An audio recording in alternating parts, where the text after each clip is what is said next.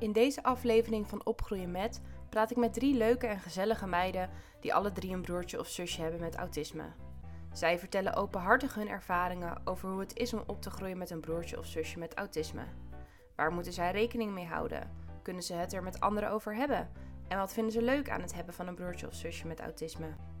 Daarnaast horen we van twee professionals meer over wat mantelzorgondersteuning inhoudt en wat de mogelijkheden voor deze meiden zijn.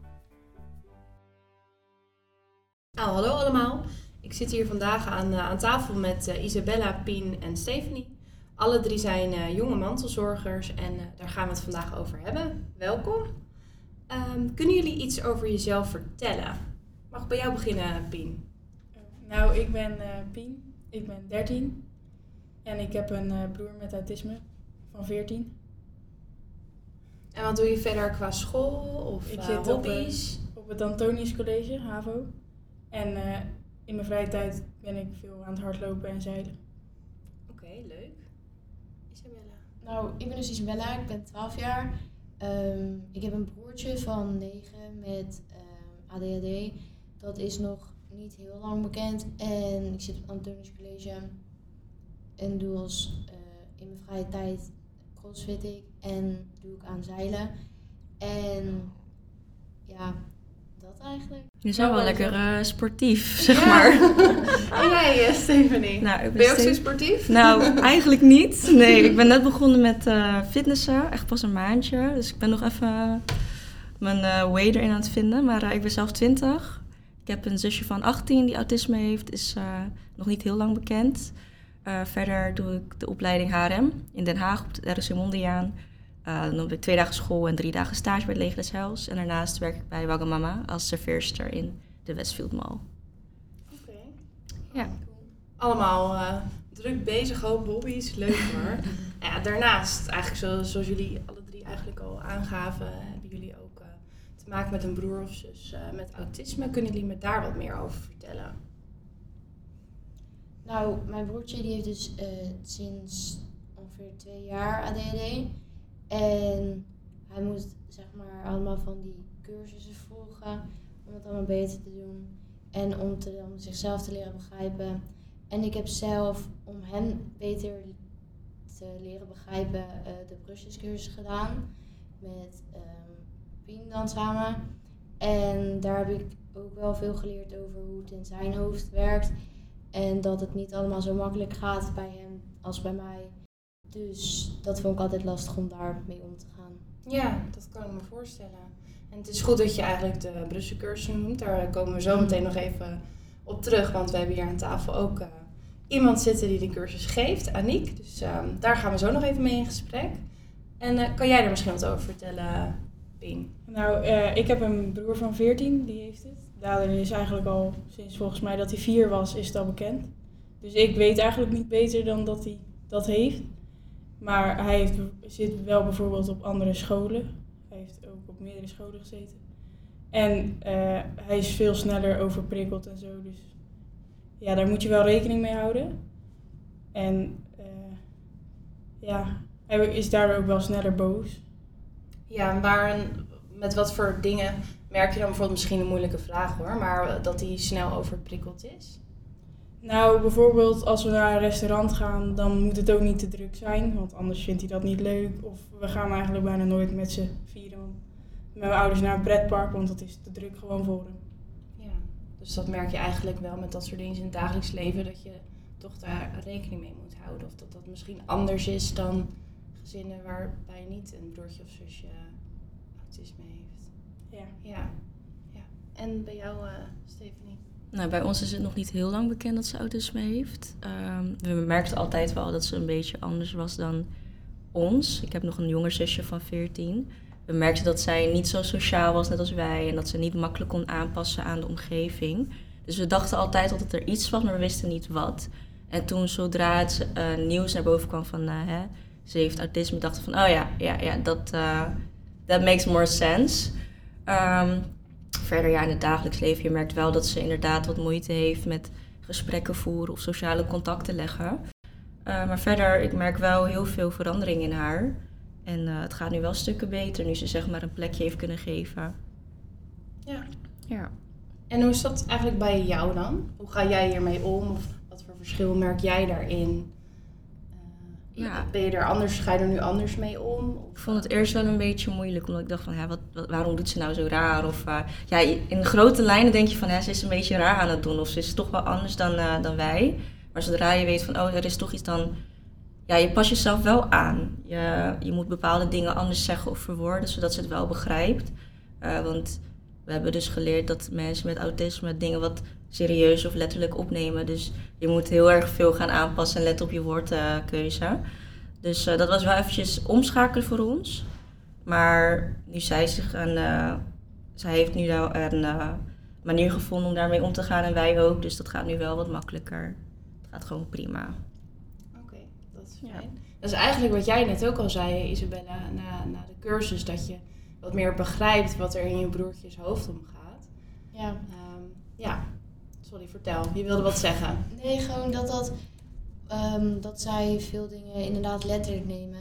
En dat je dan heel erg moet letten op wat je zegt en eh, of dat wel kan. En gewoon dat ehm, hij alles van tevoren wilt weten, weet je wel. Als je op vakantie gaat, dan wil hij al een hele weekplanning weten van wat je heel die week gaat doen. En als, ze dan, ehm, en als ze zeggen van ja, we gaan vanavond naar een restaurant, maar dat gaat niet door, want we doen het morgen, om welke reden dan ook. Dan eh, is die hele dag zeg maar niet gezellig, omdat dan is het, ze zijn te veel prikkels omdat het de hele dag is omgegooid. Ja. En doen jullie dat dan ook, met z'n allen een planning maken voor de vakantie? Nou, ik, ja, mijn ouders doen dat met hem. Ik bedoel, ik kan er wel tegen dat het dan gewoon een beetje onverwachts is. Dus ik eh, kijk dan mee met die eh, planning, zeg maar, voor hem. Dat ik ook weet, als hij wat vraagt aan mij, dat ik er antwoord op kan geven. Ehm, maar zelf heb ik het natuurlijk niet echt nodig. En bij jou, Pien? Nou, eh, ja, bij ons is het ook wel zo. Verrassingen en zo kan hij ook allemaal niet tegen, want dan moet hij het weten.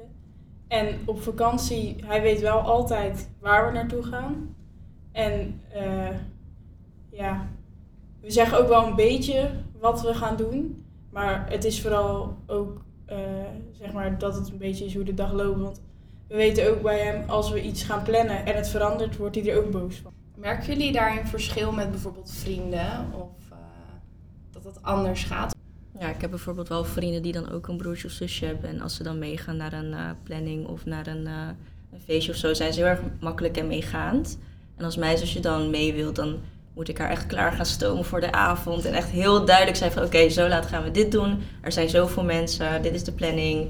Eh, zodat ze gewoon duidelijk heeft wat de avond is. Want ik heb gemerkt dat als ik haar naar plotseling iets meeneem, dat ze dan helemaal in de stress raakt. Ik merk wel dat je toch wel wat meer moeite moet gaan doen om ehm, zo'n iemand bijvoorbeeld mee te nemen of eh, ja, rekening gewoon houden ermee. Ja. Dat gaat wel anders met vrienden of met eh, mijn jongste zusje bijvoorbeeld. Maar toch, als je het zo zit te vertellen, dan heb ik wel het gevoel dat je helemaal je weg erin hebt gevonden. Ja, Want je zeker. zit het echt, zeker. ja, ja. ja. Ja, Ja, mooi. Krijgen jullie wel eens vragen of opmerkingen uit je omgeving over je broer of zus? Nou, ik heb wel, eh, mijn broer die heeft op dezelfde basisschool gezeten als ik. En ik heb een klas overgeslagen, dus ik zit nu met de leerlingen waar hij ook mee heeft gezeten. Dan krijg je soms nog wel te horen van, oh jouw broer deed vroeger dat. En dan kennen ze hem nu niet zoals hij nu is veranderd. En dan hebben ze nog wel nare opmerkingen erover van. En dan denk ik, ja, denk ik, dat, ja, het is ook gewoon mijn broer. En dat is ook niet leuk voor mij om te horen dat je broer vervelende dingen heeft gedaan of zo. Nee, dat snap ik.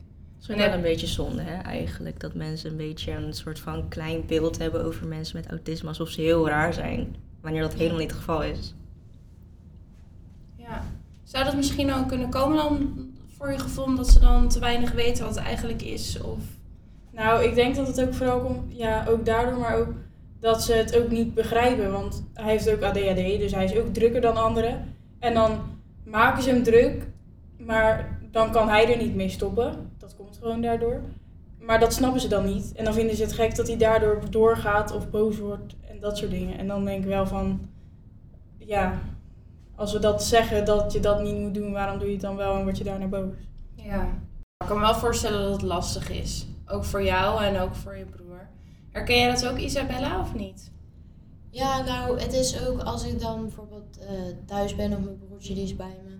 En ik ben dan met vrienden of vriendinnen afspreken, dat, dan, dat hij dan op een gegeven moment wordt heel boos of zo uit het niets. Of hij wordt juist heel druk uit het niets.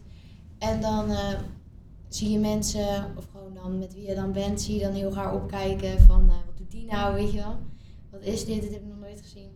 Of ehm, wat Pien zegt, dan zijn sommige mensen die kennen hem dan van vroeger. En niet hoe die nu is. En dan gaan ze zeg maar op de negatieve dingen acht- af hoe hij vroeger was. En dan weten ze dus niet hoe die nu is. Dus dat is dan wel vervelend, want hij is wel veranderd. Ze kennen hem nog van vroeger en niet hoe die nu is. Maar wat is dan het verschil daartussen? Daar ben ik eigenlijk wel benieuwd naar. Nou, dat hij vroeger, eh, hij weet zichzelf niet meer te beheersen in wat hij doet. Dus ehm na al die cursussen die hij nu heeft gedaan en al die dingen waar hij is geweest en waar hij zichzelf ook heeft leren, beter leren kennen, kan hij er zelf ook beter mee omgaan en weet hij ook eh, zijn excuses aan te bieden als dat nodig is bijvoorbeeld. En daarvoor was het eigenlijk iedereen's schuld, behalve die van hem. Dus daar merk je wel verschil in en dat is ook beter, ja, vind ik dan fijner voor mezelf, want vaak eh, was het steeds naar mijn hoofd geslingerd werd dat ik er wat mee moest doen en dat ik me maar moest aanpassen aan hem. Terwijl ik snap dat wel, want ik kan dat beter dan hem. Eh, maar vind ik niet dat ik me helemaal moet gaan aanpassen voor hem, terwijl hij ook een klein deel kan bijdragen om zich ehm, zover hij kan aan te passen aan, ehm, ja, aan ons, zeg maar. Nou ja, we hadden nu natuurlijk een beetje over dingen van eh, wat is wat lastiger en, en de veranderingen. Maar ik kan me voorstellen dat er ook iets leuks aan is. nou, je begint wel te lachen, Stephanie. Ja, alsof er alleen maar negatieve dingen zijn, zeg maar. Ja, precies. Nee, ja, ik vind het hartstikke leuk eh, dat, ehm, dat we eindelijk wel weten dat, ze gewoon, dat er iets is. En ehm, ik vind het ook wel leuk om die eh, veranderingen naar te zien. Je ziet wel dat ze wat meer eh, er zelf begint te vinden en een eigen manier vindt van het leven. Want hiervoor was ze heel erg onzeker over. En dan merkte je dat ze zeg maar heel erg moeilijk vond om een beetje een plekje te vinden voor haarzelf, dus haar vrienden of de omgeving. Dat ze dacht van, nou, ik ben zo anders. Maar de verandering daarin is zo mooi om te zien. Ze komt meer uit haar schelp en praat wat meer. Dus dat zijn hele, hele leuke dingen. En je merkt er niet veel van. Dus het is ook echt heel leuk om te zien. En het is echt zeker niet iets engs of zo om eh, te hebben. Nee, zeker niet. En eh, dat eh, hij heeft dan het niets dat hij zo druk is, wat ik net zei. Maar dat is soms is dat vervelend, want dan komt het precies op het verkeerde moment. En soms komt het eigenlijk wel goed uit. Want dan heb jij zelf iets mindere dag. En dan kom je thuis, staat zo'n stuiterbal in voor je. en dat maakt je toch dan weer vrolijk. Ja. En bij jou, Pien? Nou, ik vind het ook wel leuk ehm, dat je mer- hij verschilt heel erg per dag, dat merk je wel. Maar je hebt, kan ook gewoon hele leuke dagen met elkaar hebben, dat je spelletjes met elkaar speelt en zo. En dat is ook wel fijn dat het niet alleen maar altijd boos en ruzie en zo is. Ja. Praat jij wel eens met iemand daarover? Jawel, heb je- ik, ehm, ik vertel, ik heb het er wel met mijn ouders over. En vooral aan het begin, toen het er net uit was, toen vond ik het lastig. En nou, ik vond het al helemaal lastig toen het nog niet bekend was. Want ehm, hij heeft alle aandacht nodig eigenlijk die ehm, ik ook nodig heb, weet je wel. Eigenlijk hebben we hetzelfde aandacht nodig, maar doordat hij dit heeft, heeft hij meer aandacht nodig. En des te minder wordt het voor jou. En dat was lastig in het begin. Maar nu weet ik er wel mee om te gaan. En ik ben gewoon, ik vind school dan een fijne plek om dat ehm, weg te werken. Want dan ben je gewoon alleen met vrienden en vriendinnen. En even zonder je broertje, even zonder je ouders, even zonder mensen die altijd bij je zijn, weet je wel. En ik kan er goed met mijn ouders over praten, maar soms om, kan ik ook niet te slechte dingen of zo zeggen, weet je wel. Want soms ben ik gewoon helemaal klaar met hem. En dan kan ik dat wel zeggen, maar aan de andere kant is ook hun tweede kind, snap je? Dus maar ja, ik kan het er wel met mensen over hebben. En met mijn oma praat ik er vaak over.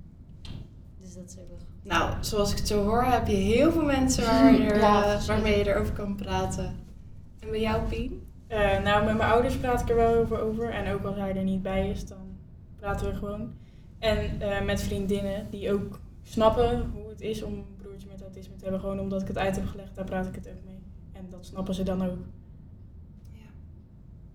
En jij zat net te lachen tijdens het verhaal eh, van Isabella, dus waarschijnlijk eh, herken je het heel erg. Ja, zeker. Ja, toen het bij ons ook net eh, eruit kwam, had ik het er vooral over met mijn jongste zusje. Want wij trekken vooral echt veel met elkaar op, eh, wij als drie zussen. Dus dan had je het met de jongste erover van, hè, wat vind jij ervan? En eh, zie je het een beetje en begrijp je het nu wel? En dat was wel fijn om gewoon iemand echt dichtbij je te hebben die het begrijpt en die het dan ook elke dag meemaakt. Maar ik heb ook heel veel vrienden om me heen die het gewoon begrijpen. Dus het is niet per se dat ze dan iemand hebben in een omgeving met autisme, maar het begrip is er wel. En een uh, luisterdoor is altijd fijn. Dus ik heb zeker wel een uh, goede omgeving waarmee ik kan praten. Dat is fijn. Dat vind ik heel fijn om te horen. ja, ik ben eigenlijk wel benieuwd of jullie uh, bekend zijn met mantelzorgondersteuning. Nee. nee. En dat vroeg ik natuurlijk niet voor niks. Want bij ons zit aan tafel Annelies.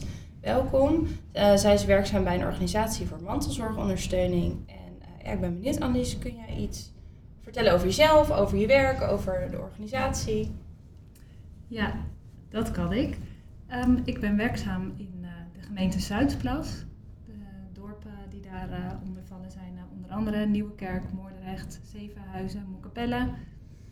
En wij hebben daar een mantelzorgsteunpunt bij Stichting Zo. Ik werk samen met drie collega's. en mijn aandachtspunt is vooral jonge mantelzorgers. ik kijk mee met de ehm, caseload van de jeugdwerkers kijken of ik daar uh, gezinnen in vind waar ik een stukje ondersteuning kan bieden aan ouders die veel vragen hebben over de thuissituatie. Maar ik zoek ook vaak naar uh, kinderen en jongeren die thuis te maken hebben met ziekte of zorg. En nou, heel vaak zijn dat ook wel broertjes of zusjes van kinderen met autisme.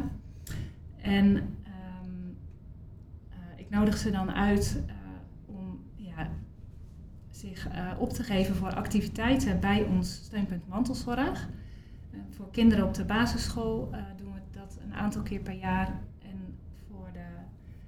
En voor de 12-plussers, net als Annieke en Isabella zijn, hebben we een groepje van zo'n 10 tot 12, vooral meiden moet ik zeggen. Um, en hebben we iedere zes weken een activiteitsavond. En dat kan zijn gewoon lekker chillen in huiskamer bij ons uh, op de locatie. Um, maar we kunnen ook een sport- of spelactiviteit doen, of een film kijken, Sinterklaas vieren. Nou, en dat doen we omdat uh, wij hebben gemerkt dat um, uh, jonge mantelzorgers, dus broertjes of zusjes van een kindje met een beperking, um, eigenlijk niet heel goed hun verhaal vaak kwijt kunnen. ik vind het super fijn om te horen dat Pien en Isabella aangeven van ja, wij hebben best wel een netwerk waarin we dat wel kunnen.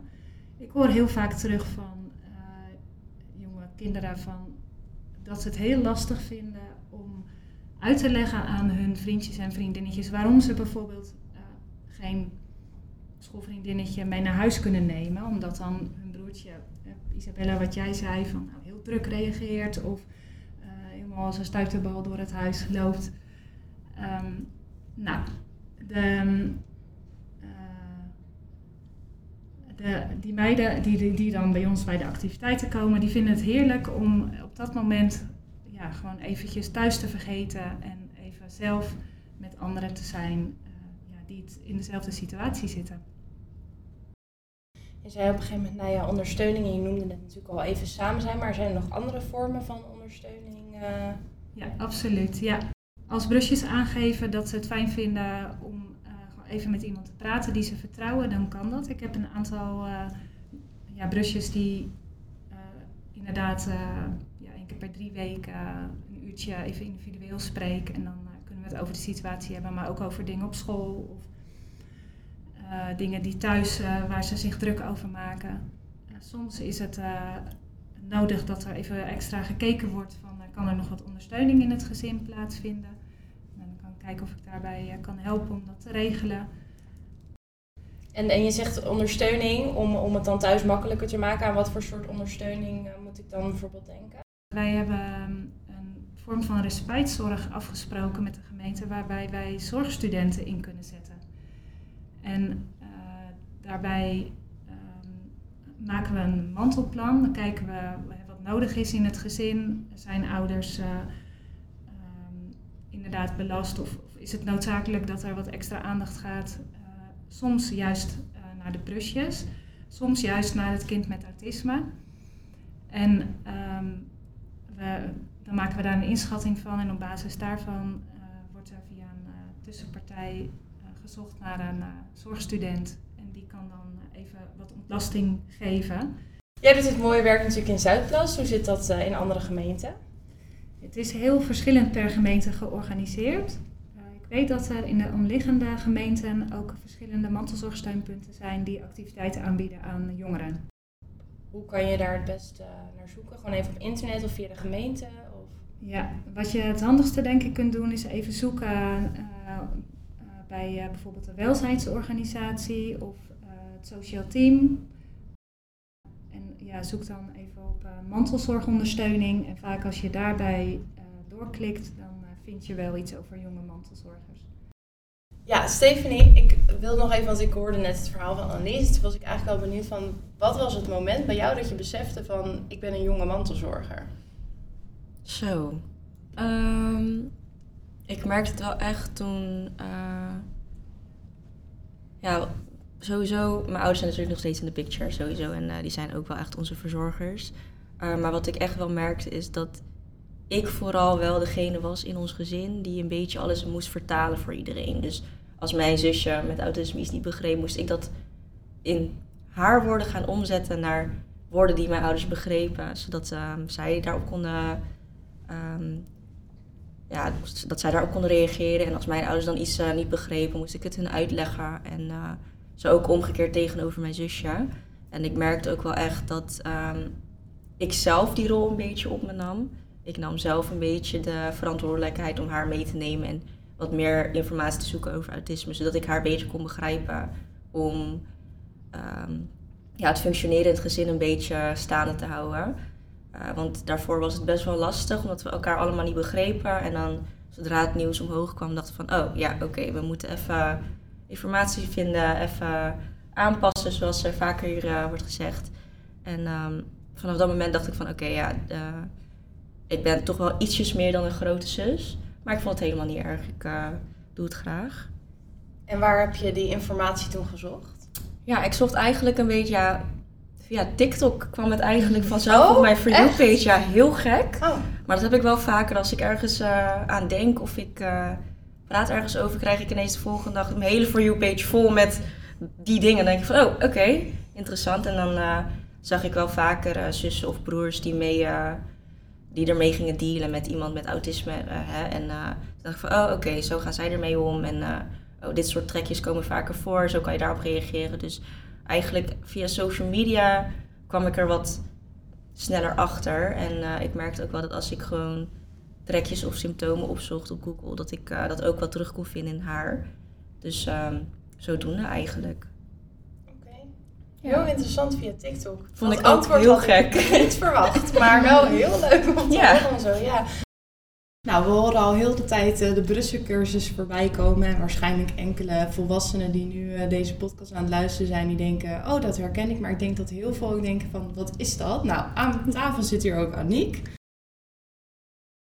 Aniek is uh, werkzaam bij Quintus en geeft meerdere keren per jaar een Brussel-cursus. Aniek, kan je me daar wat meer over vertellen? Uh, ja, ik geef uh, nou, de, de. Uh, en dat is acht, acht, acht keer bijeenko acht bijeenkomsten. met vooral kinderen tussen de 9 en 12, 13.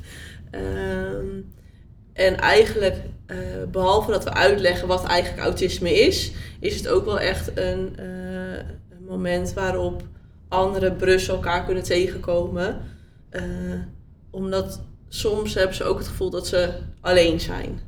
Um, en dat ze niet altijd hun verhaal kwijt kunnen. En dan met zo'n Brusselscursus zien ze ook...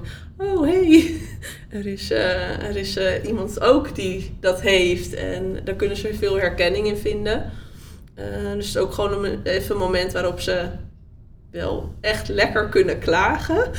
um, over een broertje of zusje. Maar ook weten dat het niet, hè, dat het niet verder dan dat gaat. En ook, uh, ook kijken naar de positieve kanten daarvan. En ook dat het in, in het zorgen voor je, je broer of je zus maak je aan de andere kant ook sterker. Het is ook wel lastig, maar het kan je ook sterker maken. En, en je zegt acht bijeenkomsten. En wat doe je dan tijdens die bijeenkomst? Behalve dan de algemene informatie over wat autisme is. Uh, dat zijn eigenlijk gewoon eigenlijk echt acht bijeenkomsten ingedeeld in ehm, eh, eerst gewoon kennis maken en daarna eh, meer achtergrondinformatie krijgen over wat autisme is. Ehm, daarna hebben we het over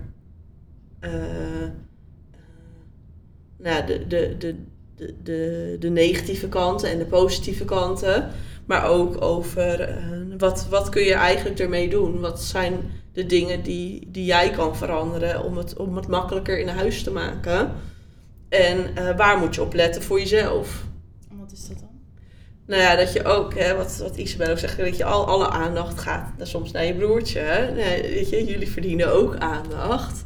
En, uh, maar je kan niet tijdens het avond, of nou ja, tijdens als mama of papa aan het koken is en het is druk en het is spitsuur, ja, dan kan je niet vragen, hé hey, mam, zullen, we, zullen we even wat, wat leuks gezellig samen doen? Maar hè, wat zijn momenten waarop je wel kan vragen aan je moeder of vader dat je echt eigenlijk gewoon een momentje ook voor jezelf nodig hebt? Want soms wordt dat in alle drukte wel vergeten. Dus ook hoe kom je voor jezelf op, ook tegen je ouders en met wie kan je eigenlijk praten. En, en wat levert het kinderen uiteindelijk op, of jongeren eigenlijk, na zo'n cursus? Nou, ik vind het wel mooi om van Isabel en Pien te horen dat ze eigenlijk, nou ja, vooral, ja wat jij vertelde Isabel, dat je er wel nu meer begrip voor hebt. Ehm, dus dat je het wel, en weet ook dat jij niet alles hoeft te veranderen. Maar hè, wat je kan veranderen, dat je daar dan wel wat meer rust voor kan hebben. Dat als je broertje je zoon bij hebt, dat je kan denken, oh, hè, ik, uh, top, ik ben even in mijn kamer, straks is het over. En, uh, en hij houdt nog steeds van mij. um, dus ik denk dat dat het heel erg brengt, dat het begrip brengt en ook minder spanning in het gezin. Er meer begrip, ja, meer begrip voor is. Ja, is dat zo, Pien? Ja, dat is, en het is ook heel fijn, want bij mij in de klas bijvoorbeeld zit niemand die volgens mij een broer of zusje of iets heeft met autisme of iets. En Isabella kom ik dan ook regelmatig tegen op school. En dat, ik, dat je dat dan van elkaar weet. Dat er ook meer kinderen bij jou bijvoorbeeld op school zitten die in hetzelfde, die dezelfde thuissituatie hebben. En als ouders nu luisteren en denken, dit is misschien wel iets voor mijn kind, waar kunnen ze dan naartoe? Uh, nou, sowieso, uh, als ze in, de, in Gouda-omgeving wonen, kunnen ze dat uh, op de CEG-website vinden. Um, en ook aan de gemeente, aan, een, aan het sociaal team van de, de desbetreffende gemeente dat vragen. Ja. Stephanie zat net haar verhaal te vertellen en zij is natuurlijk ja, wat ouder. Wat, wat is er voor haar eigenlijk? Nou ja, sowieso um, kunnen we, uh, uh, kan een collega dan, of ik, kunnen sowieso de psycho-educatie geven over autisme. Uh, maar we hebben niet echt een cursus daarvoor. Meestal merk je wel dat aan 20-jarigen 20 kun je soms makkelijker ook gewoon alleen een gesprek daarover voeren. En sowieso heb je het Audi-café, geloof ik, die ook soms wel dingen organiseert voor wat ouderen.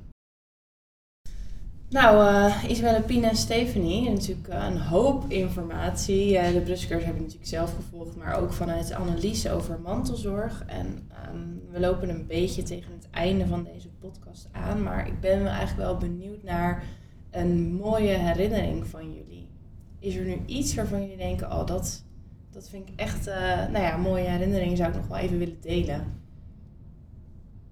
Waar ik vaak aan denk is wanneer we met z'n drieën aan tafel zitten, wanneer we gewoon geen gedachten hebben, gewoon lekker met elkaar lachen en foto's naar elkaar sturen dat helemaal nergens op slaat. Dat, dat vind ik echt wel de mooiste momenten, denk ik, die we samen kunnen hebben. Gewoon echt die hechte band als zussen zijnde, gewoon alles vergeten, geen problemen, geen ditjes en datjes. Ik vind dat toch echt wel de mooiste momenten samen. Ik uh, denk daar echt wel vaak uh, naar terug, zeg maar. Dat zijn mijn mooie momenten bij ons is het als we dan op vakantie gaan of zo, dan ben je sowieso weg van thuis. En dan ben je met uh, mensen die uh, ja, natuurlijk vaak 100% vertrouwd hebt. En dan met mijn broertje. En dat je dan zo met hun bent en gewoon dingen doet wat jullie allemaal leuk vinden. En even nergens aan, anders aan hoeft te denken dan wij met z'n vieren zo. Dat is dan wel mooi moment, denk ik, voor mij dan. Ja, ik heb ook, eh, vooral als je met z'n vieren leuke dingen doet, gewoon met je gezin dan. En dan even niemand erbij en dan vind ik dat de leukste momenten gebeuren. Want dan vertrouw je iedereen en dan, ja, dat vind ik het leukst. Ja, mooi. En is er nog iets ehm, wat jullie aan ouders of professionals of andere volwassenen die, die hier naar luisteren, ehm, is er nog iets wat jullie zouden willen delen? Misschien tips of iets anders? Vooral niet bang zijn om vragen te stellen mocht je iets niet begrijpen. Ik denk dat dat wel een soort van taboe is of zo. Hè? En, eh, meer informatie. Ik denk dat het vooral ook voor ouders zijnde wel moeilijk is om ehm, die kring te vinden om informatie te zoeken erover. En een beetje bang zijn van, hè, ik, ik schaam me er een beetje voor of zo. Maar blijf er vooral open over en blijven praten erover. Ik denk dat dat toch echt wel mijn tip is eh, voor degene die het een beetje eng vinden of lastig vinden om informatie erover te zoeken. En ehm, ja, je staat er sowieso niet eh, alleen voor, mochten het eh, moeilijke dagen zijn. eh, denk ik dat het echt wel goed is om even ja, iemand op te zoeken die je die rust kan geven of je kalmeert van hè, het komt allemaal goed. En ehm, vooral de tijd nemen om je eigen weg erin te vinden. Oh, wauw. En jullie? Nou, ik denk ook vooral wat Stephanie zei, dat je niet alleen bent. En dat er ook veel meer gezinnen zijn waar hetzelfde speelt als bij jou thuis. Alles is gezegd. Nou, top. En eh, jullie, eh, Annelies en Aniek, hebben jullie eh, nog iets aan te vullen? Tips voor ouders of eh, andere professionals? Nou, ik denk dat wat Stephanie zei inderdaad heel mooi is. Hè? Eh, wees vooral niet bang om vragen te stellen. Ehm, ook aan begeleiders voor broers en zussen. Van, hè, eh, is, eh, hoe, hoe leg je het uit aan je, aan je, aan je, aan je andere kinderen? Eh, hoe, het brein, hoe het brein werkt van, van, van, je, van je kind met bijvoorbeeld autisme. Ehm, hoe moeten zij daar dan mee omgaan? Dat, dat, dat ze dan niet zelf echt hoeven te, het gevoel hebben dat ze hoeven te zoeken naar informatie, maar dat de informatie er ook gewoon is. Ik denk wel dat het lastig is voor ouders om. eh, zij krijgen dan soms wel psycho-educatie over wat, wat het allemaal inhoudt. Maar om dat dan nog een keertje te vertellen aan je andere kinderen, dat is dan soms wel eh, een, een opdracht. Ehm, dus om dat dan eh, ook te vragen daarna, hoe je dat uitlegt aan, je, aan andere broers of zussen, maar ook hè, ja, waar je dat kan vinden. Ja, en ik zou willen zeggen, deel je zorg. Als je erover praat, dan lucht dat op. Eh, het is ook een paar keer voorbij gekomen.